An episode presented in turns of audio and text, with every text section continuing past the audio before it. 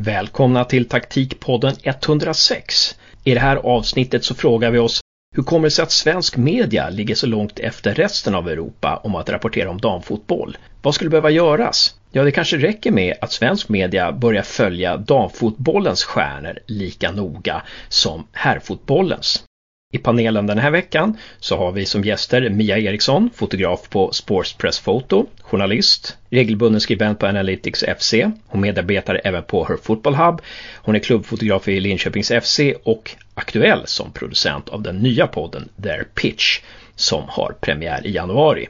Med sig då har hon Amanda Sasa, sportjournalist på TV och producent. Och dessutom förstås Josef Karstensen, analytiker och scout och bland annat uppmärksammad för sin uppsats om scouting där han frilade vilka värden som är viktiga att titta på när man scoutar från lägre divisioner. Jag som håller ihop det hela heter Hasse Karstensen. Trevlig lyssning!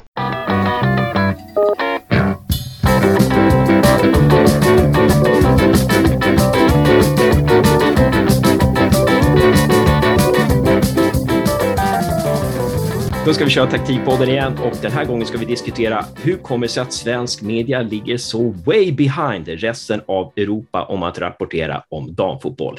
Vad skulle behöva göras? Och vad kan det bero på? Beror det på att journalisten inte tror att en text om damfotboll ger så många klick? För i så fall så tror jag att de gör en felaktig analys. För i alla fall vi på Taktikpodden och jag och Josef gjorde en annan podd innan. Så fort vi diskuterar damfotboll, då får vi fler lyssnare än i andra avsnitt. Men eh, jag har inga mer bevis på det. Men det ska bli intressant att diskutera den här frågan i alla fall. Eh, hur kommer det sig att svensk media ligger liksom så långt efter Europa? Eh, Josef, har du någon ingång på det där? Jag har en ingång, men jag tror att deras ingångar kommer vara ännu bättre. Men jag tänker att, som vi pratade om förra veckan, blev det att vi hade lite produktsnack. Vad är produkten damfotboll? Jag tror att den generella Svensson-personen i hemmet inte ser ett värde i produkten damfotboll. Därför blir man automatiskt sämre på att rapportera om det. Men jag skulle kunna ta, jag skrev ner ett exempel här, att eh, det är ändå konstigt hur produkten herrfotboll ibland kan vara starkare på, alltså om vi tar högsta svenska nivå. Jag tror jag är rätt övertygad om att en match mellan Rosengård och BK Häcken skulle vara mycket roligare att se ur ett fotbollsvärde än om vi tar till exempel matchen Halmstad-AIK, där två lag står lågt och slår långt. Många är anhängare till AIK, absolut, men det där är inte kul att se på. Och det kan jag säga för att jag såg den matchen själv. Det blir min ingång, och jag lämnar ordet fritt. Hur kommer det sig att svensk media ligger liksom så långt efter europeisk media? Jag kan väl kanske ta vid där. Men man har väl någonstans insett att Sverige, jag skulle vilja säga att Sverige är inte jag tycker inte att de är jätte, jättelångt bak när det kommer till att bevaka sitt landslag, sina landslagsspelare, damallsvenskan och sin inhemska liga. Jag tycker inte att vi hamnar jättelångt bak.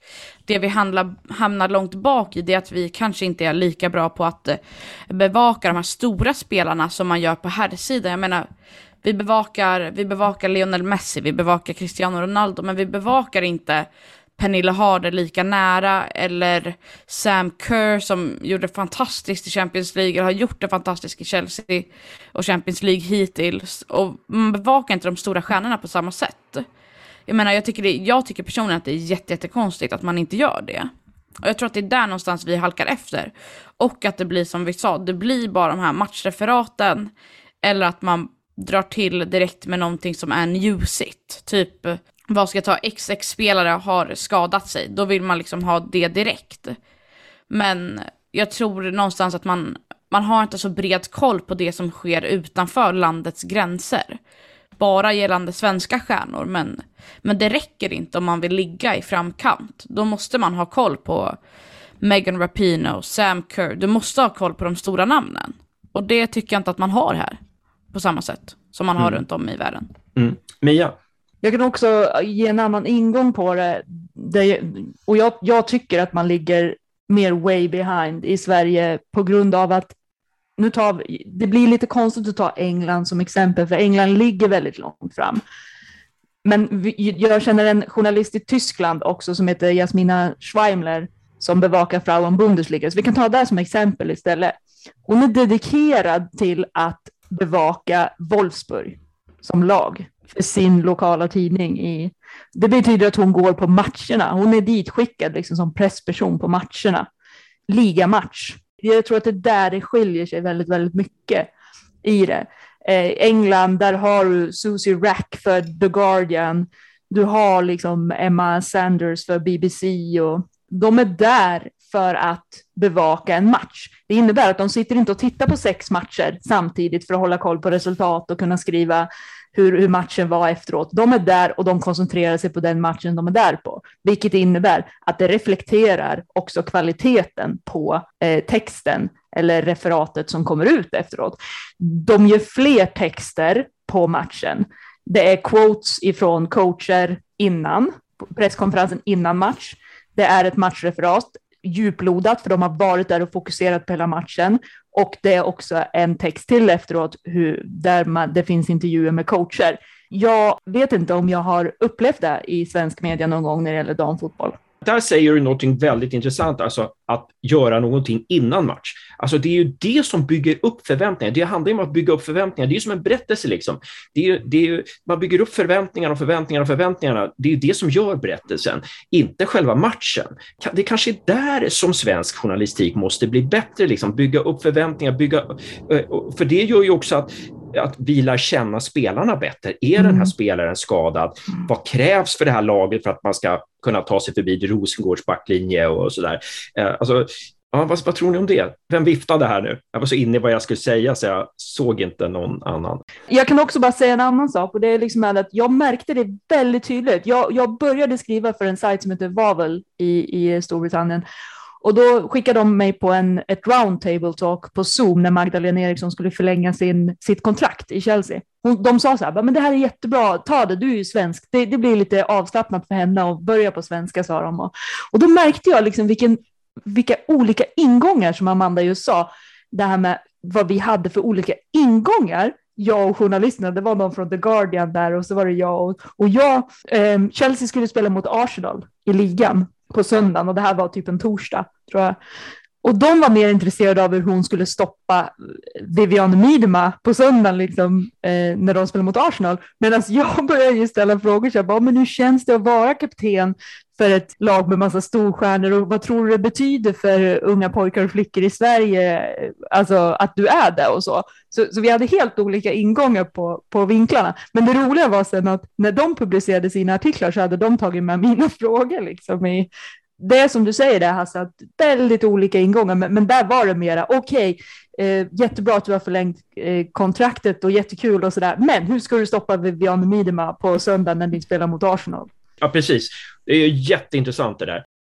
Det är lite att vi kommer tillbaka till att prata om fotbollen snarare än om ja, liksom allt runt omkring. Och om man då tänker just här på att ligga way behind i svensk media, det tycker jag även det är vid sändningar av damfotboll. Om vi då tar svenska herrallsvenskan, ser man en match mellan Djurgården och Elfsborg så får du grafik, du får siffror, du får XG, inträden, passningar på offensiv planhalva. Och det tycker jag är lite synd, för det får man inte i damfotboll. Och då är det liksom så här, för att ge ett mervärde till konsumenten, vi som tittar och kanske vill se någonting mer än bara, alltså vi vill ha något mervärde i det. Och det tycker jag är lite synd att det finns inte. Och jag, det är också en del av varför man kanske inte riktigt får, har fått det här genomslaget på produkten än det där är ju jätteviktigt att vi kan få sådana saker runt matcherna. Men jag, jag snöade in lite på det här med att bygga upp förväntningar, för jag tänker så här att det är också herrallsvenskan. Det är så många som skriver om fotboll till exempel. Jag menar, en match som Mjällby IFK Göteborg, som egentligen det är mellan två bottenlag. Liksom. Den blev hypad för Mjällby hade många segrar på hemmaplan. IFK Göteborg är liksom ett lag på dekis och sådär. Och jag vet att den hade jättemånga tittare den matchen och det, det kanske var till och med huvudmatch alltså.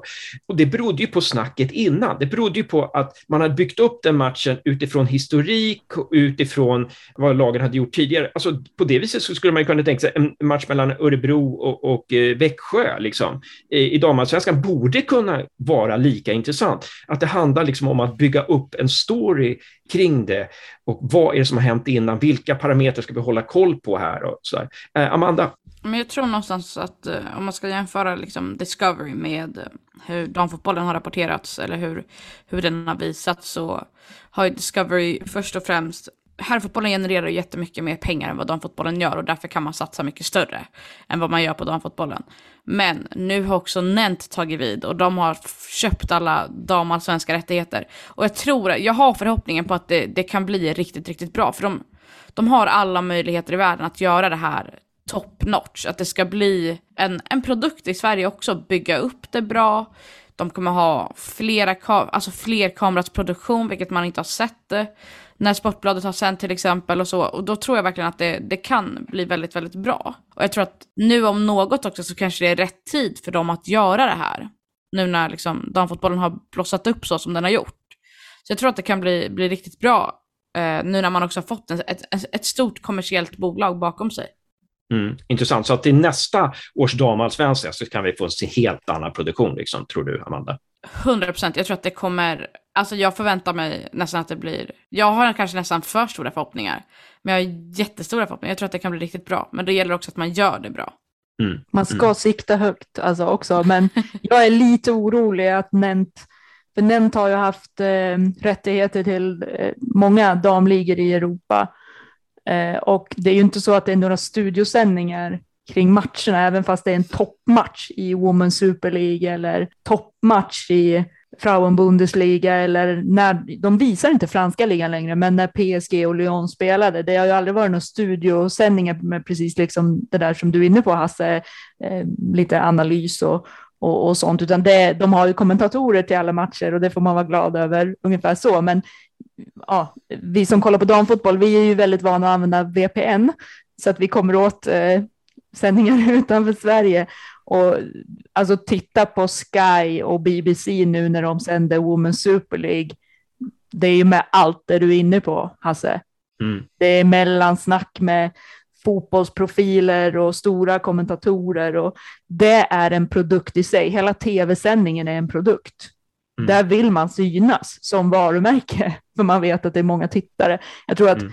Sky hade ju en och en halv miljon tittare liksom, på damfotboll här. Jag, jag såg det på Twitter förut. Och bara det liksom är ju, det är en skillnad. Men jag håller med Amanda, jag hoppas verkligen att Nent kommer ta taktpinnen och visa. För att damallsvenskan och de skandinaviska ligorna, de är väldigt populära, alltså utanför Sverige. Speciellt eftersom vi, vi producerar och levererar storstjärnor till ja, de andra ligorna. Ja, precis, precis. Eh, hörni, vi ska snart sluta, men både Josef och Amanda vill komma in. Och eh, Josef, jag missade dig förra gången, så du får komma in först där. Amanda, kom ihåg vad du ska säga. Ja, jag håller vid.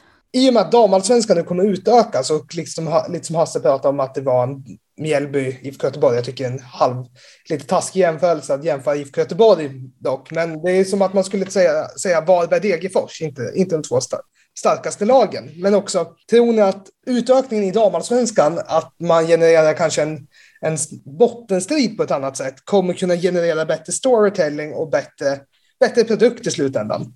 Man tror väl någonstans och hoppas på det, för när man kollar på, om man ska jämföra damallsvenskan med herrallsvenskan, då, då är ju herrallsvenskan rent, alltså rent idrottsmässigt och rent sportsligt så är den ju mycket tajtare. Vi ser, vi, vi, det är ju en eh, fantastisk guldstrid just nu i toppen och eh, i botten så har det också varit otroligt intressant. Och på damallsvenskan så har det, det har alltid handlat om två olika, alltså två lag i toppen. Det är BK Häcken och det är Rosengård och det är knappt någon som kan mäta sig med dem nu för tiden. Eh, Linköping, once in a time, 2016-2017, men inte längre. Alltså jag skulle inte säga det och, då, därför, och därför tror jag att det kommer bli mycket mer intressant när det kommer in fler lag som kan tävla om, ja, vem som blir nedflyttad, för jag tror inte att någon av dem som kommer in nu kommer ta guldet om jag ska vara helt ärlig. Men, och det, är ju, det har ju bara varit Växjö, de har ju legat där i botten, alltså superdjupt. Det var ju klart efter tre omgångar typ att de skulle åka ut, så det, så att det blir mm. väl antagligen mer intressant där i botten tror jag, skulle jag tro. Jättebra jobbat allihopa. Jag lärde mig som vanligt väldigt mycket. Hoppas ni lyssnare också gjorde det och eh, hör gärna av er på vårt Instagram eller vårt Twitter om ni vill prata med oss.